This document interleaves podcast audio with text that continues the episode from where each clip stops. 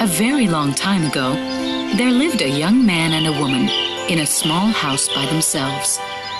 They did not have any children, but they wished to have a daughter. In the house was a little window from which they could see a beautiful garden that was full of beautiful flowers and herbs.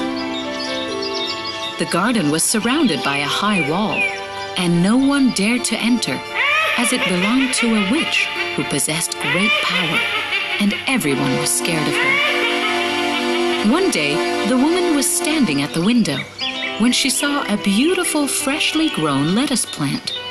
It looked so fresh and green that she wanted to eat some.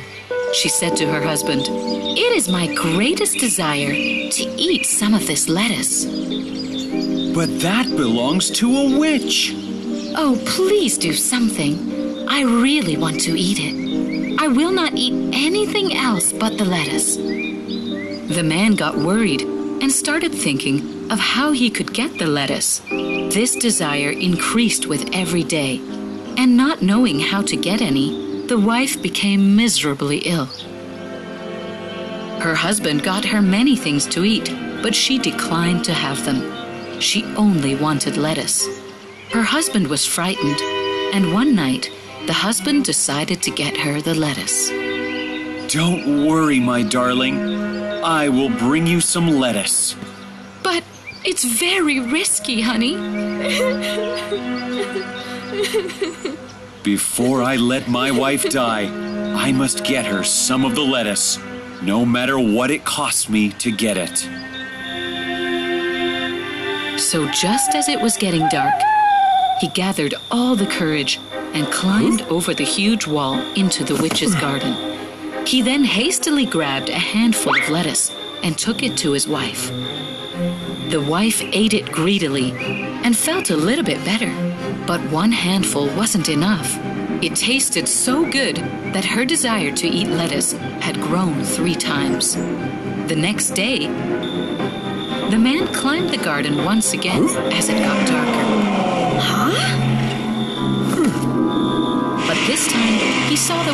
Waiting for him.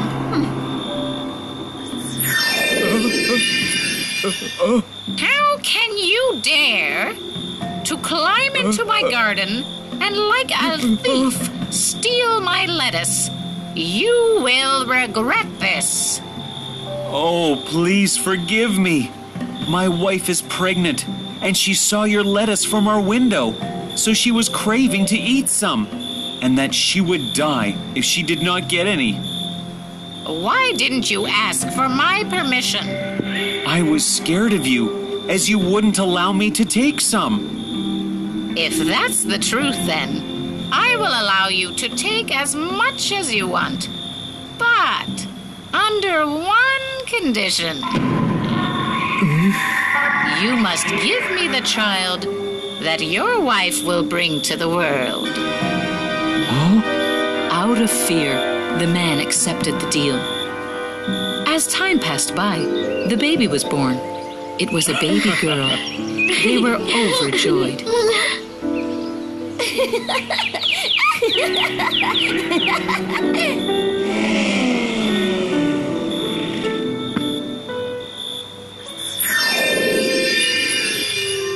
Soon after, the witch came, named the little girl Rapunzel, and took her away, leaving the parents in complete sorrow.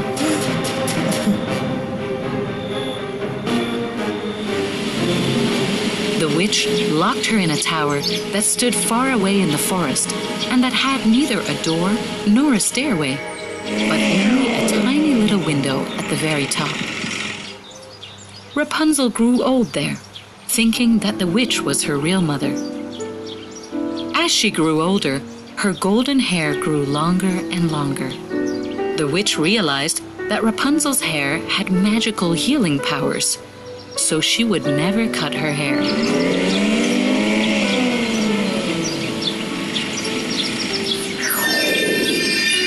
When the witch wanted to enter, she stood below and called out, Rapunzel! Oh, Rapunzel! Let your hair down to me. It's your mother, dear. Rapunzel had splendid long hair, as fine as spun gold. When she heard the witch's voice, she let her hair fall out of the window to the ground. The witch climbed up it with the help of her long golden hair. As Rapunzel grew older, she wanted to get out of that house and see the outside world. But the witch told her that the world outside is very mean and cruel, that people would kill her if she went out. I've brought you here so that you can be safe. As Rapunzel turned 16, she was eager to go out for her birthday. Mother, What? I've been thinking about something. What is it? I'm 16 and I think I'm old enough to leave the tower to celebrate my birthday. What? No way! I've been reading about the city and it sounds so wonderful. All of the people, all the food, the lights, and everything. No! I've told you how cruel the world outside is. You're so safe here. Please, Mother, there are so many amazing things I could do, so much to learn, so much to see. I said no, Rapunzel. I can handle myself out there.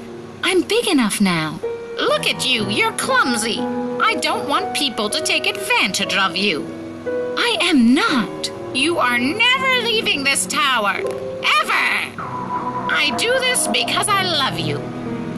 I just wanted to go see the city at least once. I wish someone could just take me there. A year or two passed. It happened that a prince riding through the forest heard someone singing. As he approached the tower, he heard a song hmm? so beautiful that he stopped to listen. It was Rapunzel, who was passing the time by singing with her sweet voice. The prince wanted to climb up to her and looked for a door in the tower, but he found nothing. He rode back home.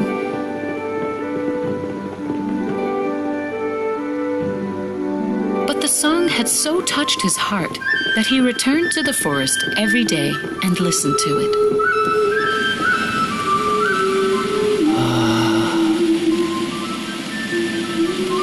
Day, as he was thus standing behind a tree, he saw the witch approach and heard her say, Rapunzel, oh Rapunzel, let down your hair to me. It's your mother, dear.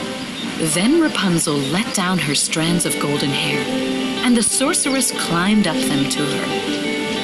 Whoa! If that is the ladder to the tower, then I shall try my luck sometime. And the next day, just as it was beginning to get dark, he went to the tower and called out. Rapunzel! Oh, Rapunzel! Let your hair down to me! It's your mother, dear! The hair fell down. Mwah. The prince climbed up. At first, Rapunzel was terribly frightened when a man such as she had never seen came up. Who are you? I'm the prince. How did you come here? The prince told her that his heart had been so touched by her singing that he could have no peace until he saw the person who sang. Rapunzel lost her fear, and the prince was mesmerized by her beauty. He asked her, Will you marry me, Rapunzel?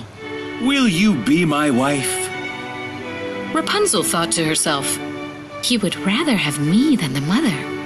He would also take me to the city and show me the outside world. She said yes and placed her hand into his hand. But I do not know how to get down. If I let my hair down, how will I come out? Okay, I will think of something and come back tomorrow and take you from here. When the prince was getting down from the tower, the witch saw that, and she learnt that something was going on. Rapunzel! Oh, Rapunzel! Let down your hair to me. It's your mother, dear.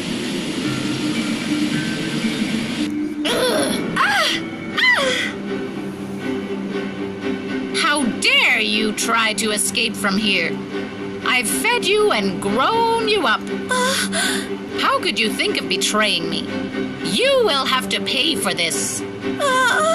In her anger, she grabbed Rapunzel's beautiful hair and grasped a pair of scissors, and snip snap, she cut it off. She was so unmerciful that she sent Rapunzel to a desert far, far away to suffer. The next evening, the witch waited for the prince to arrive. And when the prince came, he called out, Rapunzel, oh Rapunzel, let down your golden hair. The wicked witch let down Rapunzel's golden hair that she had cut off. The prince climbed up, but above, instead of his beloved Rapunzel, he found the witch, who peered at him with her evil looks. You have come for your darling Rapunzel, but that beautiful bird is no longer sitting in her nest. You have lost her and will oh. never see her again. The witch then threw him from the tower. He fell on thorns, which poked out his eyes and blinded him. Unable to see anything, he wandered about in the forest, eating grass and roots. He wandered about miserably for some years. Finally, he reached the desert, where he could hear a beautiful voice and thought it was familiar. As he approached and said, Rapunzel? Is that you? Rapunzel recognized him and crying,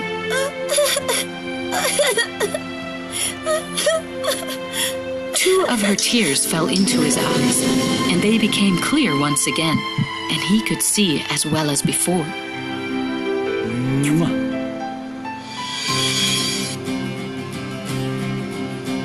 They then went back to his kingdom, where he was received with joy. The king and queen were happy to find the lost prince back. Later, the people from the kingdom found out that she was the girl who was stolen by the witch. So Rapunzel learned who her real parents were. And met them. On the other hand, they told her the witch had now died and that they were happy to see her grow into a beautiful lady.